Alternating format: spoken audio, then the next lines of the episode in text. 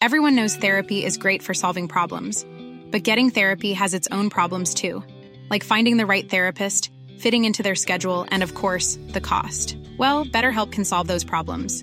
It's totally online and built around your schedule. It's surprisingly affordable too. Connect with a credentialed therapist by phone, video, or online chat, all from the comfort of your home. Visit betterhelp.com to learn more and save 10% on your first month. That's BetterHelp H E L P. Hey, it's Ryan Reynolds, and I'm here with Keith, co star of my upcoming film, If, only in theaters, May 17th. Do you want to tell people the big news? All right, I'll do it. Sign up now and you'll get unlimited for $15 a month in six months of Paramount Plus Essential Plan on us. Mintmobile.com slash switch. Upfront payment of $45 equivalent to $15 per month. Unlimited over 40 gigabytes per month. Face lower speeds. Videos at 480p. Active Mint customers by 531.24 get six months of Paramount Plus Essential Plan. Auto renews after six months. Offer ends May 31st, 2024. Separate Paramount Plus registration required. Terms and conditions apply if rated PG. I'm Sandra, and I'm just the professional your small business was looking for. But you didn't hire me because you didn't use LinkedIn jobs. LinkedIn has professionals you can't find anywhere else, including those who aren't actively looking for a new job but might be open to the perfect role, like me. In a given month, over 70% of LinkedIn users don't visit other leading job sites. So if you're not looking on LinkedIn, you'll miss out on great candidates like Sandra. Start hiring professionals like a professional. Post your free job on linkedin.com/people slash people today.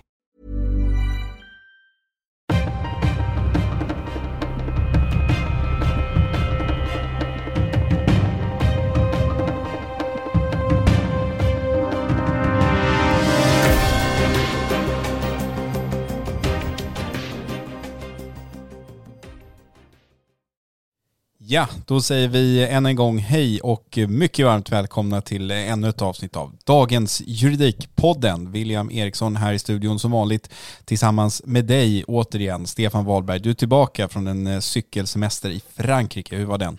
Nej men det var väl bra att under hösten eh, här i Sverige då undkomma, jag vet att ni har haft ganska varmt här, men komma till Bordeaux där jag har ägnat en vecka åt vinprovning och cykling eh, har ju varit angenämt, det får jag säga. Det finns ju spaningsbilder på dig från en kollega här på kontoret som var med på samma resa. Ja, det råkade falla sig så att en, en av våra kollegor befann sig faktiskt på samma resa i, med samma sällskap eh, som ägnade sig åt detta och eh, det var ju trevligt.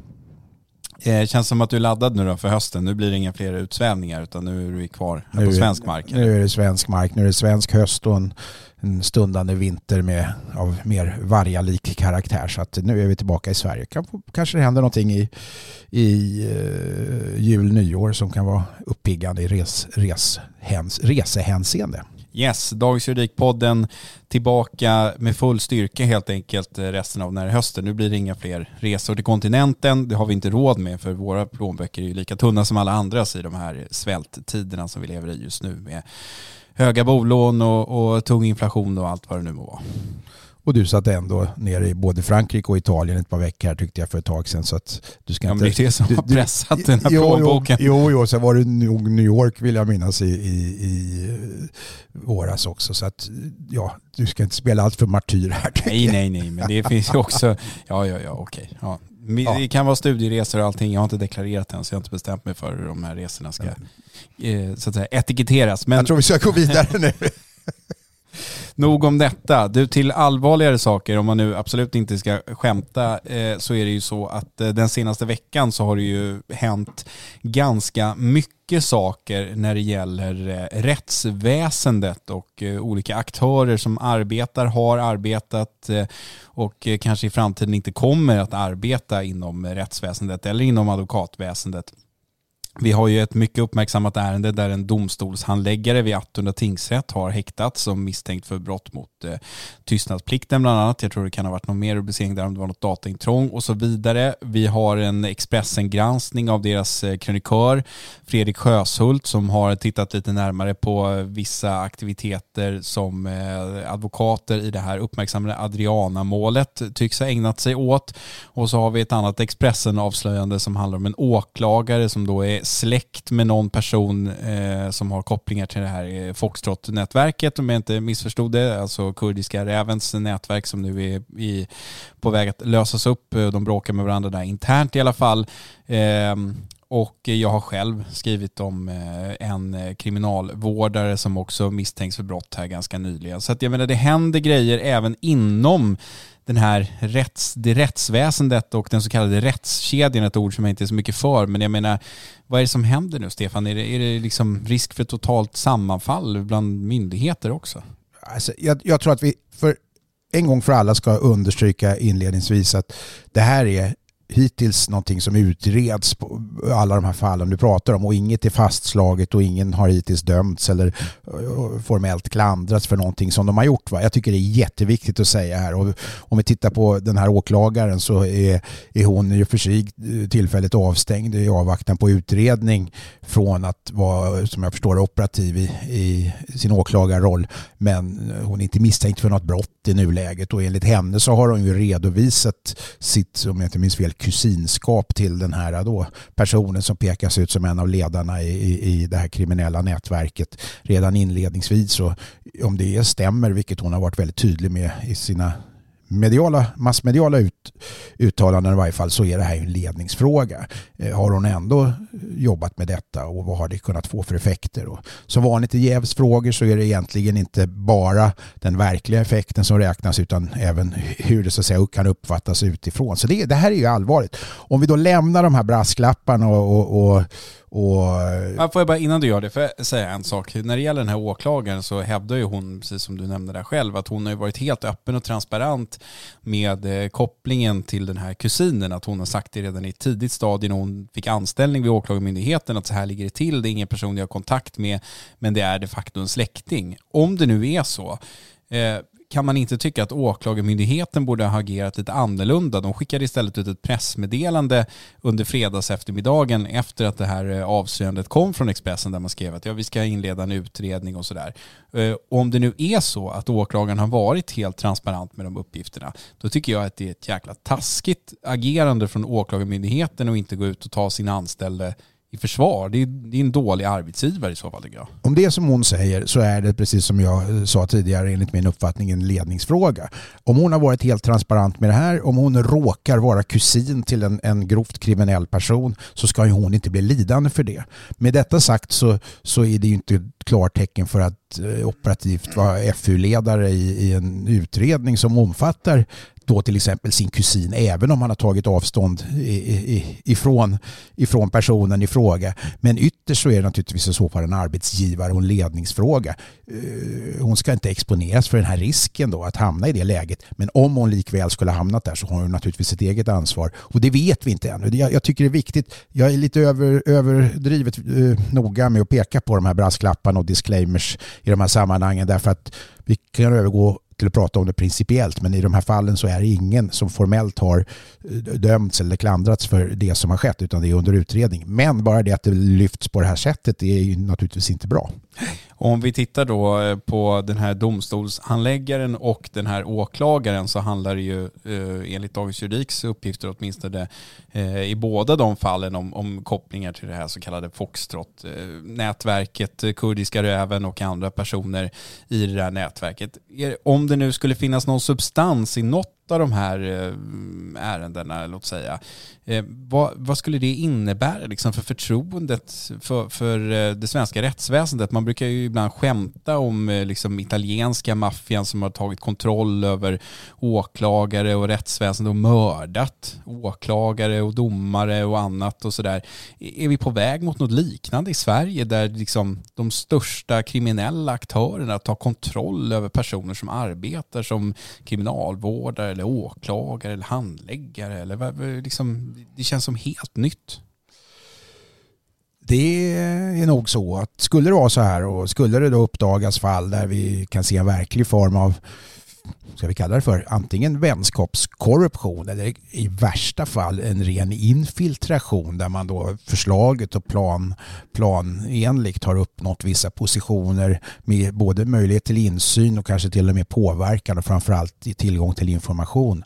Då har vi fått ett system, du pratar italiensk, siciliansk maffia eh, alldeles nyss här, då har vi hamnat i ett läge som är alltså om möjligt ännu allvarligare än den, den situation vi nu befinner oss i där det okontrollerat skjuts och eh, sprängs i Sverige utan att vi rår, eh, rår på det ur, ett strikt polisoperativt perspektiv. Men skulle det vara så att, att vi har fått in individer i rättsväsendet eh, för att använda ditt uttryck som du, varken du eller jag gillar, nämligen rättskedjan inom polis och åklagarväsende, kriminalvård, domstolsväsende, åklagarväsende. Alltså allt det här, om det skulle vara på det viset så är det så allvarligt så att man måste ifrågasätta hur det ens är möjligt. Jag, jag, jag, kan nästan inte finna ord för om det skulle vara på det viset att, att, att Sverige har förvandlats till ett maffialand även i det avseendet. Och sen har vi då Fredrik Sjöshults eh, rapportering om eh, advokater och en biträdande jurist som anklagas då för att ha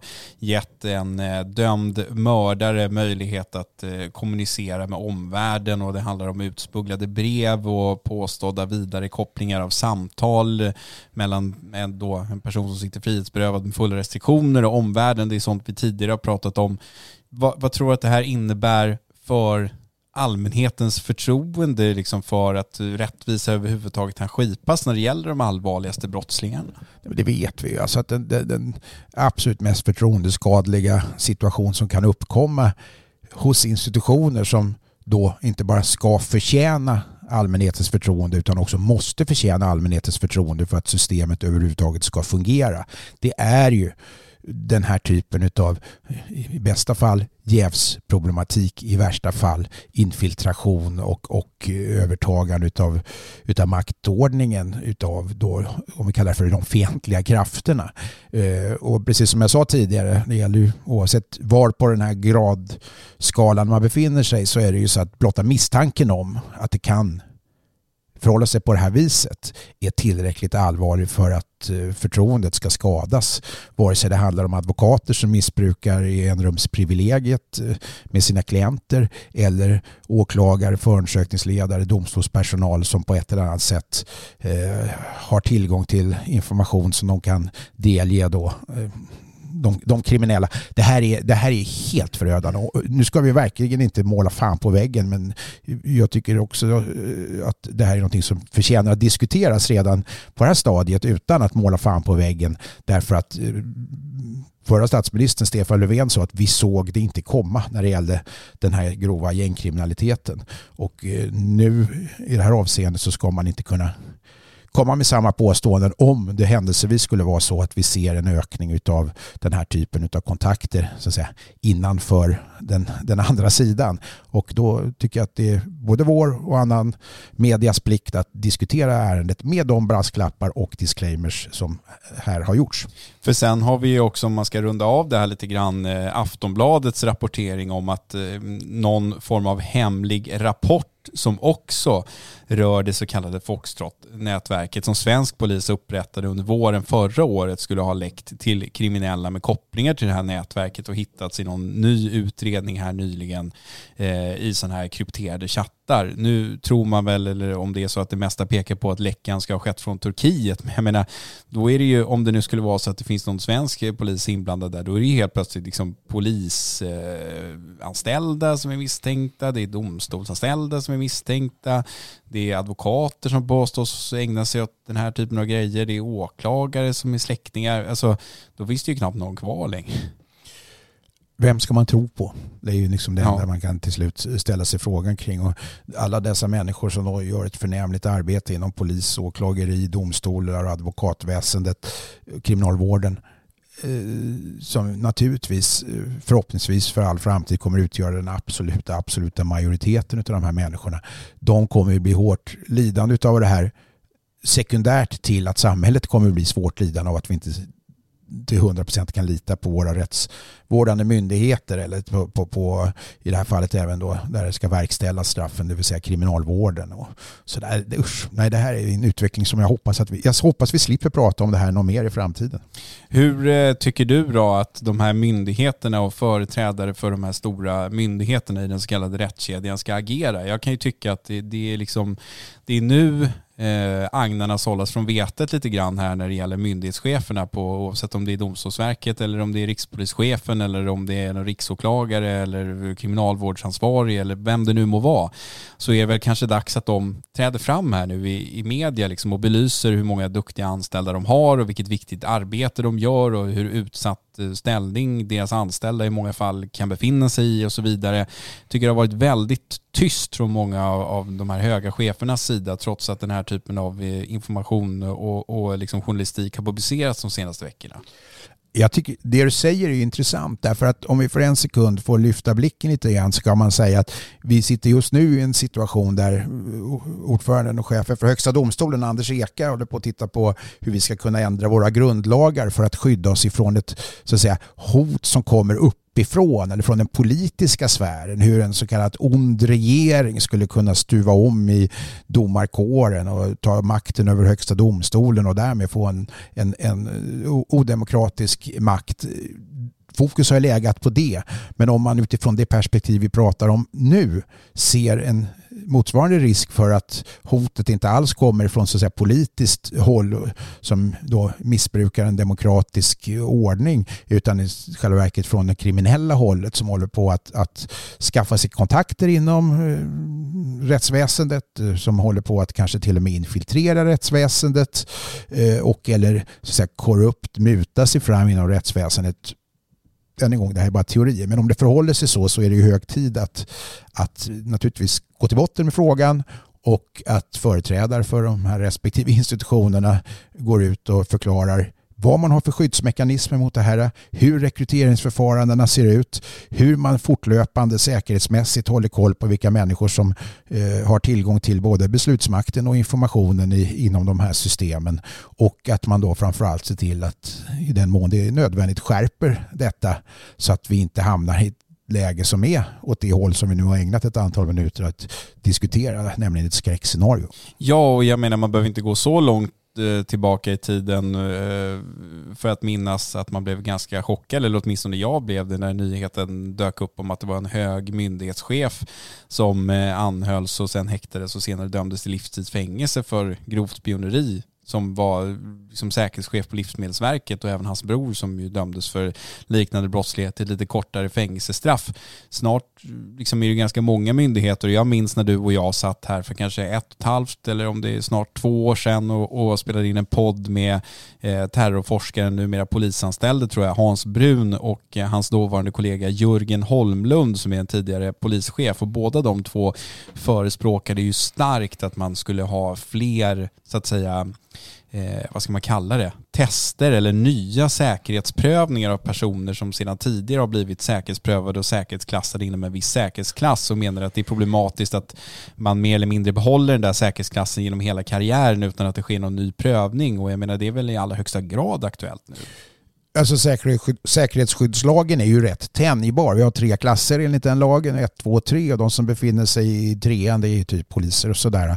Men när du börjar klättra på den där tvåan och framförallt ettan så är det ganska omfattande eh, tester eh, som du så att säga ska genomgå. Det är rent operativt så är det, det är Säkerhetspolisen som genomför de här undersökningarna man pratar med anhöriga och sådär.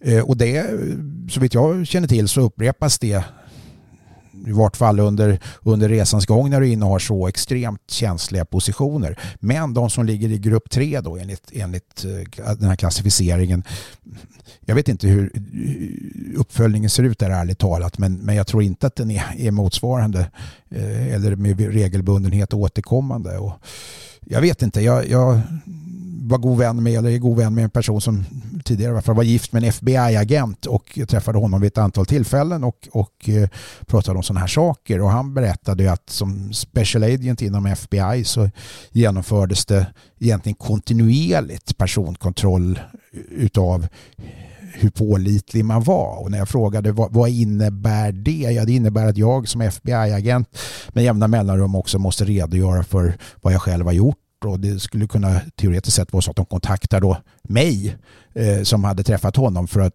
höra om han till mig hade sagt någonting som kunde vara, vara eh, tecken på att han var opolitlig och så vidare. Och kanske är det här någonting som vi i Sverige får i högre grad lyfta som, som metoder, inte bara för de som ligger i säkerhetsklass 1 enligt, enligt den här lagstiftningen utan även för personer som överlag har insyn i och möjlighet att påverka den här typen av både utredningar och underrättelseverksamheten men slutgiltigt även åtalsbeslut och, och, och inte minst dömandet i, i, våra domstolar. Och jag menar, en del ska vi ändå säga av det som sker i domstolarna eh, med anledning av de här bland annat de här kriminella gängen är ju faktiskt inte öppet. Sånt som har med hemlig tvångsmedelsanvändning och sådär att göra är ju hemliga diarier och det är ju hemligt hos, hos domstolarna och det är ju inte meningen att de som är misstänkta i det och utsatta för till exempel eh, övervakning och avlyssning ska få reda på det. Och kan de få det då så är det ju minst sagt beklagligt.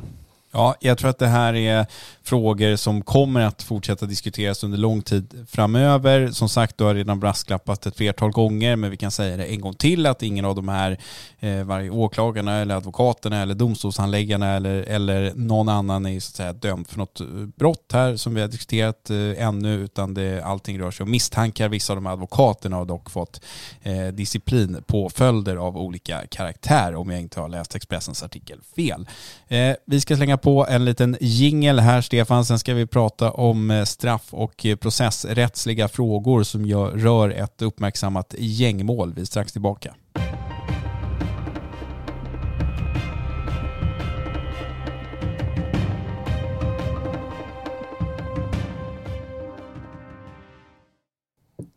Ja, för eh, nyligen var det så att eh, huvudförhandlingen i målet som rör ett uppmärksammat mord på en ung pojke, en 15-årig sådan, i Skogås för inte allt för länge sedan inleddes. Det är ganska många åtalade i det här målet, men en av dem som är åtalade för stämpling till mord. Det är en man i 20-årsåldern, tror jag, som sedan tidigare sitter dömd för ett annat grovt brott till 18 års fängelse. Och då var det så att vi fick lite frågor och funderingar från en eh, flitig lyssnare här som hade en del processrättsliga och eh, straffrättsliga påföljdsfrågor kopplade till det här målet, Stefan. Och jag vet att du har kikat en del på dem här under dagen. Det är ju liksom ingenting som sådana som du och jag bara drar rakt ur huvudet. Men han undrade bland bland annat vad som kommer att hända med den här personens 18-åriga påföljd om det är så att han skulle dömas för stämpling till mord. Han har ju redan fått det strängaste straffet som man kan få när det gäller tidsbestämda straff, alltså 18 års fängelse.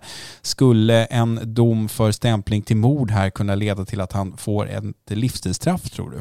Är det processuellt eh, eller straffrättsligt möjligt? Eh, teoretiskt är svaret egentligen ja eftersom de osjälvständiga brottsformerna teoretiskt kan leda till samma, eh, till samma straff som, som, ett, eh, som själva huvudbrottet som sådant. I praktiken nej och anledningen i det här fallet är, är ju att man kan säga så här att det brott han sitter för, dömd till 18 års fängelse för, jag vill minnas att det var försök, är det försök eller förberedelse till mord, är det va?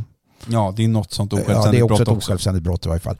Och nu döms han då för stämpling som i någon mening, eller inte i någon mening, som är ett mindre allvarligt det är ett mycket allvarligt men ett mindre allvarligt brott så kan vi säga än det han redan är dömd för. Och enda, enda chansen då är att man för att få höjt det här straffet är att man skulle gå upp på livstidsfängelse eftersom du inte kan få mer än 18 år eh, i, i i en tidsbestämd mening här. Och då kan man säga så hade det här brottet varit allvarligare än det han redan avtjänade ett straff för, det vill säga att det här skulle vara låt säga, ett anstiftan till mord, eh, som i och för sig också är osjälvständig brottsform, men så, som per definition brukar leda till, till livstidsfängelse i, i de flesta sammanhangen. Då hade man kunnat tänka sig att det blev livstid. Men i det här sammanhanget så, så tror jag inte att det kommer påverka påföljden i något avseende. Det som är lite avgörande här är naturligtvis om det här brottet som man nu är åtalad för, stämpling till mord, har gärningen begåtts efter det att den förra domen man laga kraft. Eh, eller har den begåtts innan det åtalet ens väcktes men har upptäckts i efterhand. Det är lite oklart i de uppgifter som vi har. Nu skulle det nog inte få så stor skillnad ändå i straffpåföljd men rent generellt så är det ju så att vi har en, ett system som innebär att den här aspirationsprincipen tillämpas på brott som det åtalas gemensamt för. Det vill säga hade han åtalats för både stämpling till mord och eh, förberedelse till mord i två olika gärningar så hade de, straff, de båda straffvärdena för de respektive gärningarna vägt samman till ett gemensamt straff enligt den här så kallade aspirationsprincipen, det vill säga det som man vardagligt brukar kalla för straffrabatt. Däremot så har vi en särskild bestämmelse i brottsbalken som, som tar sikte på allvar, återfall i allvarlig brottslighet som har ett straffvärde, vill jag minnas, över sex års fängelse. Men då förutsätter ju det att den förra domen har vunnit lagakraft och att du efter det begår ett nytt brott som är så allvarligt att jag tror att det ska vara minst sex års fängelse. Och då kan du få eh, för återfall i brott en påbackning på upp till fyra år. Men det får inte bli mer än 18 år sammanlagt. Eh. Men så kontentan här är egentligen att det som är mest troligt är att den här mannen inte riskerar någon följd av eh, extra påföljd för det här brottet, och även om han skulle dömas för ett ganska allvarligt brott som stämpling till mord. Det är vad jag tror att domstolen i slutändan kommer säga att, att de här 18 åren står fast. Däremot kan det ju komma påverka. I den mån han begått den här gärningen inifrån kåken efter att den förra eh, domen har vunnit lagakraft så, så, så, skulle man i och för sig kunna tänka sig att det utgör någon form av misskötsamhet under verkställighetstiden och att det kan påverka hans, hans eh, möjligheter att bli villkorligt frigiven. Men, men det, det här, nu blir det spekulativt. Och det här är, är eh, rent hypotetiskt vad som kommer hända när han närmar sig då eh, eventuell frigivning villkorligt om väldigt många år och hur det här ska inverka, det, det går inte att säga det här nuläget. Nu har vi en väldigt uppmärksam eh, lyssnare här som, som uppenbarligen är intresserad av juridik och straffrätt som har ställt den här frågan. Eh, jag tror inte att det är så många andra som känner till att det ligger till så här och som kanske inte ens känner till att en av de åtalade i det här annars väldigt uppmärksammade eh, målet redan sitter på 18 års eh, fängelse och sådär. Men det diskuteras ju fram och tillbaka, straffrabatter, aspirationsprinciper, det är liksom en het juridisk potatis bland våra svenska politiker. Om det nu skulle bli mycket uppståndelse kring ett sånt här mål och det skulle bli så som du spår här nu, skulle det, tror du, kunna bli ett sånt mål som får bägaren att rinna över även för den som tycker att den, de principer vi använder oss av idag är de bästa? Alltså jag, jag, vet inte. Jag tror att acceptansen... Äh, jag vet inte för att acceptansen för den här aspirationsprincipen är ibland väldigt hög eh, när man väl förklarar hur äh, alternativet med kumulativ straffmätning ser ut. Men den är å andra sidan väldigt låg, acceptansen bland allmänheten, när man pratar om det i termer av straffrabatt för eh, att man fick den fjärde, femte våldtäkten citat på köpet, slutcitat. Va? Eh, och om man sätter sig in i det här, det är en politisk fråga ytterst, det har ju egentligen ingenting med juridik att göra, mer än att det ska då verkställas i juridisk form av våra domstolar. Men ytterst är det en politisk fråga hur vårt straffsystem ska se ut. Och där tror jag att, att, att en högst personlig uppfattning är att acceptansnivån närmar sig någon form av bristningsgräns där man möjligtvis tycker att vi ska ha någon form av aspirationsprincip kvar, vilket man har i nästan hela världen eller i väldigt stora delar av världen. Men att den kanske är alltför generös i Sverige och att vi inte alls ska ha den så att säga, formel som vi idag har eh, utan att den kanske ska vara lite strängare. Och sen finns ju då just som jag pekade på tidigare en liten motsägelsefullhet i det här. Därför att varför ska du ha straffrabatt när du begår många brott som så klumpas ihop i ett åtal men till och med få ett hårdare straff om du begår ett brott vid en tidpunkt döms för det brottet och sen begår ett nytt brott efter det att den domen har vunnit lagakraft. Då kan du plötsligt få fyra års påbackning. Så det är lite så här eh, sjunga för änglarna eller med änglarna om att, att det är bra med en aspirationsprincip i ena änden men vi ser väldigt hårt på återfallen och så vidare. Så det, är, det är lite ologiskt ibland att försöka få ihop den här, det här pusslet. Men jag tänker att det handlar om en väldigt ung person som har blivit skjuten. Det är många unga som är inblandade eller åtminstone som är åtalade i det här målet. Jag kan ändå tänka att om det här skulle bli eh, en sån dom som, som diskuteras mycket fram och tillbaka i media så skulle det kunna bli ett politiskt slagträ i den här frågan om man nu har en person som den här eh, unga mannen som redan sitter på 18 års fängelse som ju tydligen är en ganska profilerad kriminell aktör i Stockholmsområdet. Om han han nu inte så att säga, skulle få någon påbackning för att han återigen döms för ett väldigt, väldigt grovt brott så tror jag att det är någonting som kommer att användas av politiker för att eh, försöka bevisa att den här principen inte bara är av godo. Absolut, det kan ju vara så. För då går det till liksom gatutribunalen så tycker, ja, men så tycker de ju i princip att, att den här typen av människor ska låsas in på livstid och att vi ska kasta nyckeln långt ut till havs. Va? Men, men, eh, och det är ju den uppfattning som idag är, är, har medvind onekligen även i den politiska debatten. Och det är klart, jag har inga jag har inga invändningar emot att man har synpunkter på att en människa som begår en gärning som för sig förskyller ett mycket eh, högt eh, fängelsestraff plötsligt inte så att säga, får någon påbackning på det. Eh, om det nu blir så. Det, det, är en ganska naturlig reaktion tycker jag. Att vadå, ska, ska det inte här kosta något? Va? Eh, i, I någon mening. Men, men frågan är om det om det kommer göra och vad det i så fall skulle innebära. Därför att han livstid eh, för det här. Eh, jag tror att det är, helt, alltså det är helt uteslutet att han ska få livstid för att han har begått stämpling och han är redan dömd till 18 års fängelse. Men lek med tanken att han skulle få livstid, då, då får man livstid. Punkt. Ja, om det skulle då, vara då, så. Då, då, står det så att säga över det 18-åriga fängelset. Ja, det är klart att om det vore ett brott som förskyller ett straff på livstid. Eh, låt säga att han, vi säger för enkelhetens skull att det skulle vara så att han helt rättmätigt döms för anstiftan till mord eller till och med mord efter det att han har fått en lagakraftvunnen dom emot sig eh, för ett så att säga, mindre allvarligt brott, det vill säga i det här fallet då ett, ett försöksbrott eller ett förberedelsebrott, jag minns inte vad det var. Då är det klart att då tar livstidsstraffet överhanden. Då, då är det ju det som gäller. Man kan inte så att säga undgå ett hö, högre straff bara för att man tidigare är dömd till ett i och för sig ganska långt fängelsestraff som 18 års fängelse trots allt är. Men jag, jag, det här är, det blir politik till slut därför att vi kan sitta och prata juridiskt och eh, hur mycket som helst om både hur verkställigheten inom kriminalvården fungerar och om hur domstolarna eh, dömer i sådana här sammanhang och vilken typ av beräkningar de gör och vilka formler de följer och man har läst sin Nils Jareborg, professor i straffrätt från Uppsala universitet och hans böcker kring hur sånt här ska räknas ut så vet man att, att det är ingen exakt matematisk verksamhet utan ibland är det lite så här domstolarna ja, de kan inte göra mycket mer än, än, det de gör men att folk reagerar på det, det förstår jag. Vad, tycker du, vad tror du själv? Om vad då? Om den allmänna uppfattningen kring en sån här sak? Nej men jag tror att det kan bli, som sagt, jag tror att det kan bli ramaskri. Och om det är så nu att man konstaterar att han har redan fått 18 års fängelse, han döms för det här brottet, det är han som är liksom hjärnan eh, bakom den här planen att skjuta en 15-årig pojke i ett centrum i södra Stockholm och eh, han kommer inte få så att säga någonting extra för det. Jag, jag, jag tror att det kan bli totalt ramaskri. Alltså. En fråga som vi inte har väckt allt alls i det här sammanhanget men som i och för sig är intressant i, i, i någon mening.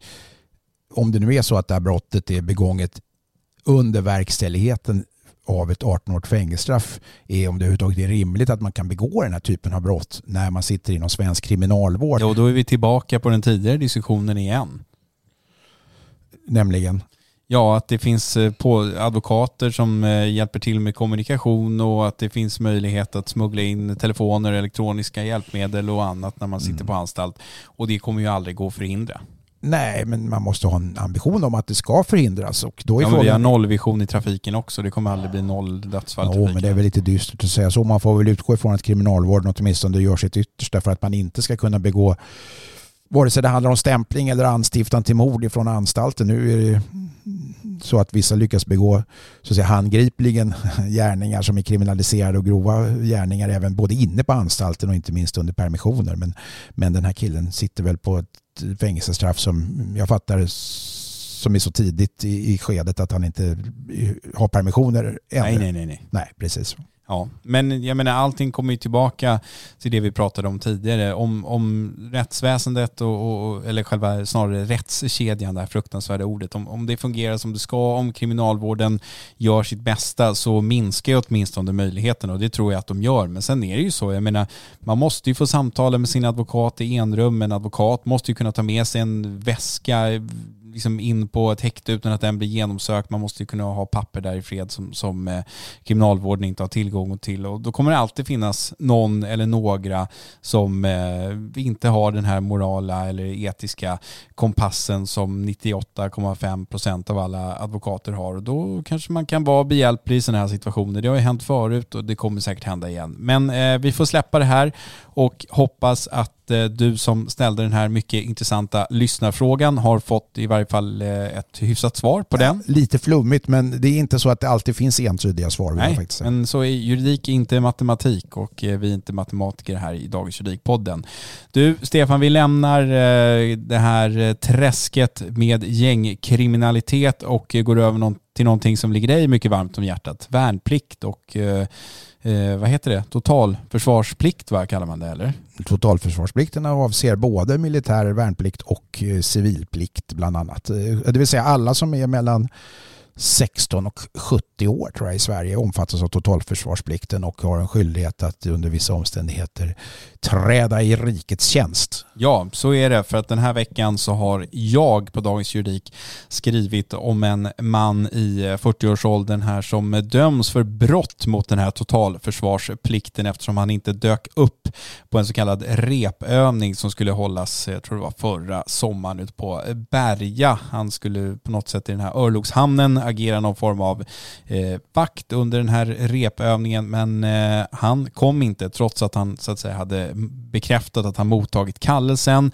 Han hävdade att han eh, mådde väldigt psykiskt dåligt under en period och, och eh, verkligen inte var liksom eh, redo att delta på den här övningen men han hade inte ens orkat höra av sig till Försvarsmakten för att så att säga försöka söka uppskov för att inte behöva delta och därför döms han nu till tror jag 40 dagsböter för detta. Det här är ett brott som titt som tätt dyker upp i de här listorna som jag tittar på från domstolarna. Vi brukar skriva om dem ganska ofta eftersom eh, det kan leda till eh, reaktioner. Men jag tror att folk ser på det här brottet på, eh, lite på ett annat sätt efter Rysslands fullskaliga invasion av Ukraina. För att tidigare när jag skrev om det här så fick jag helt andra typer av reaktioner än de som jag har fått eh, just nu. Tror du också att det finns en annan syn idag på eh, människor som kallas till den här typen av repövningar eller göra värnplikt eller någonting och som, som inte gör det efter att Ryssland invaderar Ukraina?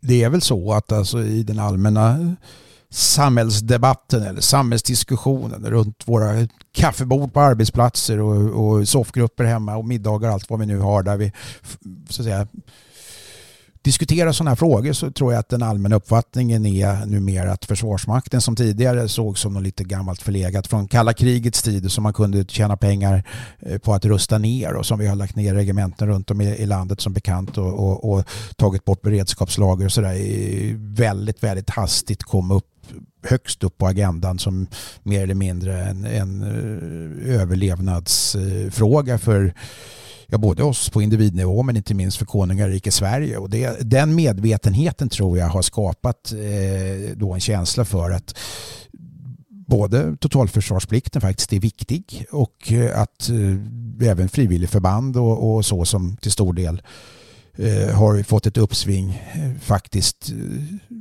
ha, har eh, en, en, god nytta med sig. Och helt oavsett vad man tycker i sådana här frågor och så, där, så kan man ju säga att den som idag är någon form av pacifist eh, har ett betydligt mindre utrymme att eh, saluföra eller framförallt få gehör för sina åsikter än man hade för då, låt säga två år sedan. Och utifrån det så tror jag att det här är någonting som människor reagerar kraft, mer kraftfullt på. Och det är ändå menar, det är ett hyfsat straff för en om vi säger citat, normal människa som är tidigare ostraffad som inte inställer sig till repetitionsövning. Eh, även om det faktiskt är upp till ett års fängelse eh, av brott av normalgraden i det här som, som kan komma ifrån. Det är faktiskt fyra års fängelse om, om vi befinner oss i beredskapsläge. Och, ska man ja, men, och då kan man fråga sig, eh, befinner vi oss inte i någon form av beredskapsläge nej, nu? Eller nej, vad är de nej, formella kraven för att vi ska nej, befinna oss i beredskapsläge? Nej, det krävs att, att du har, har höjd beredskap. Det är ett beslut som fattas, om jag inte minns fel, av regeringen. Det finns två grader och det, det är höjd beredskap och högsta beredskap. Och högsta beredskap, då är vi krig i princip. Va? Men höjd beredskap, då, då man kan säga så här, det finns ju ett helt kapitel i brottsbalken ja du, är det 21 kapitlet va, som handlar om brott av krigsmän. Och det det kapitlet träder i kraft när regeringen beslutar eh, och under förutsättning att riket befinner sig då i, i krig eller omedelbar krigsfara. Och där har du ännu hårdare straff. Du har, alltså, oj, nu sätter, du, sätter jag mig själv på prov här, men det finns ett brott om jag inte minns fel som heter rymning. Va? Det är till exempel att du deserterar till fienden, överlämnar dig frivilligt till fienden och det är upp till livstidsfängelse i krigstider på det. Vilket stämmer till viss eftertanke med tanke på att vi kanske tittar på tv på, på nyheterna och tycker att de här ryska soldaterna de kanske borde överlämna sig till Ukraina eh, för att slippa slåss för den här vidriga diktator, diktatorn i Kreml. Men även rysk lagstiftning har naturligtvis hård, hårda straff på det och i sammanhanget så kan man då bara peka på att även Sverige har upp till livstidsfängelse för att, att frivilligt överlämna sig till fienden. Eh, bara för att nämna det som jämförelse.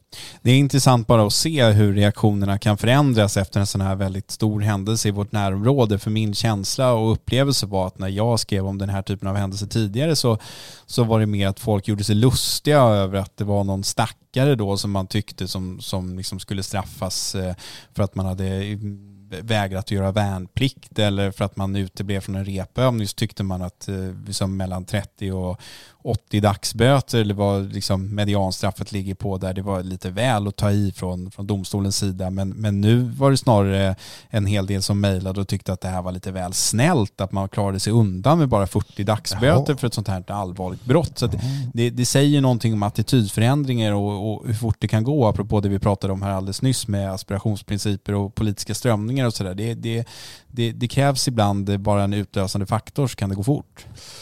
Ja, vilket ju då sätter in den här konstiga lilla delen av samhällskroppen som du och jag ägnar oss åt, nämligen juridik i, i, ett, eh, i det sammanhang där du hör hemma, nämligen i verkligheten. Juridik är ingen stat i staten. Juridik är ett utflöde av politik och politik formas utifrån den samhällssituation vi har. Och just nu har vi en samhällssituation som inte alls är rolig när det gäller det yttre hotet i, i, i det här sammanhanget av militär karaktär och då, då blir folk mer eh, av det här, den här åsikten att lite hökaktigt eh, titta på människor som inte inställer sig eh, till till exempel repetitionsövning. Trots ska man säga då att det är, det är ett av de brott som jag menar, brott om brott mot enskilda och brott mot allmänheten. Och, och, och eh, det här är ju kanske ett av de brott mot allmänheten som är allra tydligast och där också domstol eller brott brottsrekvisiten i sig, alltså gärningsbeskrivningen i, i åklagarens åtal här bygger på att han då inte har kunnat uppnå målet med sin utbildning och att det har varit av, till avsevärt men för utbildningen eller tjänsten i, i hans fall som bevakningssoldat att det skulle ge svårigheter att kunna utöva det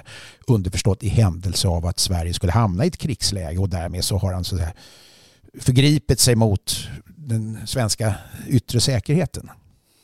Du, eh, det är bra. Jag tycker vi har gjort eh, en eh, rejäl podd den här veckan. Drygt 40 minuter blev det. Vill du att jag ska avsluta med, med en liten vits eller en liten historia kopplad till rättsväsendet?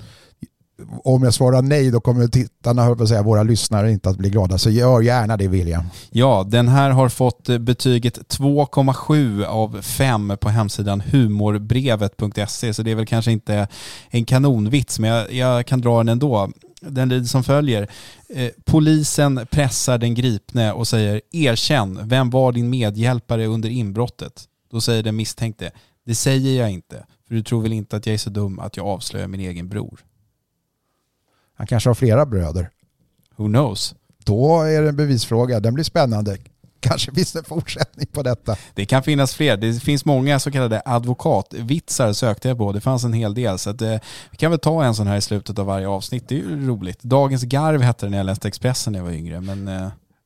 och jag vill minnas att det fanns en, en kusin till den där i filmen Dödligt vapen med Mel Gibson och Danny Glover när, när de frågar en liten pojke där de kommer till någon plats och säger att de är poliser och så frågar de en pojke ja, vad heter du för någonting? Och då så säger hans kamrat säger don't tell him your name Alfred för de hade dålig erfarenhet av poliser och sådär. Den är ganska bra. Vi kan väl uppmana våra lyssnare att inkomma med lite sådana här eh, roliga historier eller vitsar kopplade till rättsväsendet. Så kan vi se om vi till och med kan skaka fram eh, någonting som jag tycker är bland det finaste som finns, nämligen ett honorar till ja. den som inkommer med en bra historia. Jag hörde faktiskt en eh, sån amerikansk advokatvits nyligen som var så att det var någon advokat som hade fått en klient som, nu ska jag se om jag kommer ihåg den rätt här i stundens etta, han hade fått en klient som hade tagit med sig sin familj för att äta på en restaurang där det sa all you can eat. Och när de började äta på, stoppa ner på order av pappan då, besticken även i munnen för att de behövde ta hem de här silverbesticken så kom krögaren och sa det här är,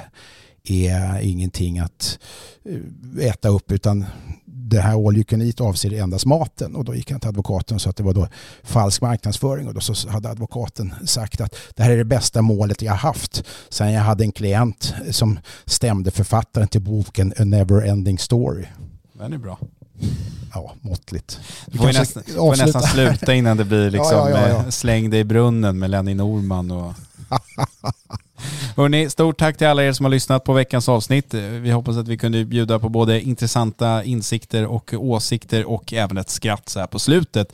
Vi är tillbaka nästa fredag igen med nya ämnen och nya diskussioner. Om ni vill nå oss så mejlar ni oss på podden att dagensjuridik.se. Ta hand om er tills dess så hörs vi då.